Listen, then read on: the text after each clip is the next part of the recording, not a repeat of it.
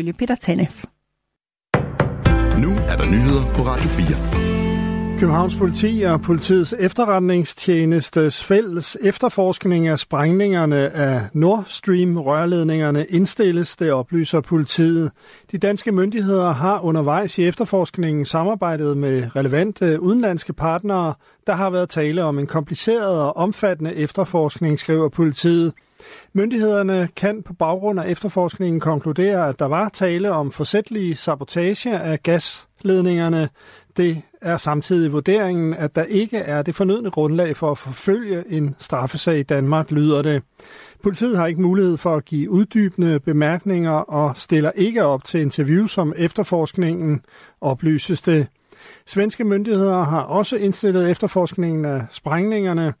Nord Stream 1 og 2 er gasledninger i Østersøen, som skulle sende gas fra Rusland ud i Europa gennem Tyskland. Mandag den 26. september 2022 blev der registreret eksplosioner ved begge rørledninger. Regionerne og Sundhedskartellet har indgået en ny toårig overenskomstaftale. Regionerne og lønmodtagerorganisationerne blev i sidste uge enige om en samlet økonomisk ramme for lønstigninger og forbedrede arbejdsvilkår på 8,8 procent i den kommende overenskomstperiode. Her blev det blandt andet, eller her blev der blandt andet afsat en såkaldt organisationspulje på 2 procent til forhandlingerne om de enkelte faggruppers individuelle vilkår, og det er dem, som Sundhedskartellet og regionerne regionerne har forhandlet om i weekenden.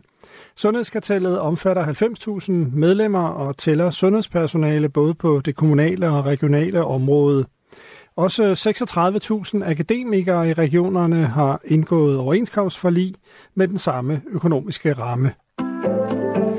Den palæstinensiske premierminister Mohammed Shayeh har meddelt præsident Mahmoud Abbas, at han træder tilbage. Den palæstinensiske selvstyreregering har hovedkvarter i Ramallah på Vestbreden. Shayeh siger, at hans beslutning er relateret til udviklingen af aggression mod Gazastriben og en eskalering af konflikten på Vestbreden og Jerusalem. Der er behov for nye politiske tiltag på grund af krigen, siger han. Elever slår, sparker og spytter på børn og ansatte. Det er, hvad ansatte og elever ugenligt oplever på Mors skole i Aalborg Kommune, ifølge et bekymringsbrev, skriver TV2.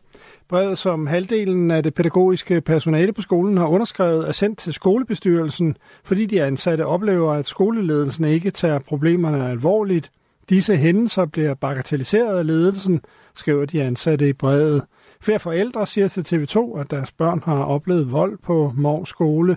Det er for eksempel Line Skov Jensen, hvis barn i 0. klasse er blevet slået og sparket. Som forælder så bliver jeg jo enormt ked af det på mit barns vegne, og jeg bliver også meget frustreret, for jeg føler jo, at jeg bliver mødt af en ledelse, som ikke øh, lytter til de problematikker, vi oplever i forhold til vores barn. Når at, øh, jeg har henvendt mig også i forhold til at få en trivselssamtale eksempelvis, så bliver jeg egentlig bare faret af vejen. At det er ikke nødvendigt, fordi de oplever, at hun er i fin trivsel. Skolelederen på Mors Skole henviser TV2 til skolechef i Aalborg Kommune, Mads Rune Jørgensen. Han bekræfter bekymringsbrevet over for tv-stationen. En 39-årig kvinde er blevet tiltalt for at have efterladt sine marsvin uden mad og vand, så de døde. Hun er tiltalt for grov, uforsvarlig behandling af marsvinene, som var hendes, det skriver TV2. Anklagemyndigheden går efter en fængselsstraf. I løbet af dagen lidt sol, 4-7 grader og svag til jævn vind omkring nord.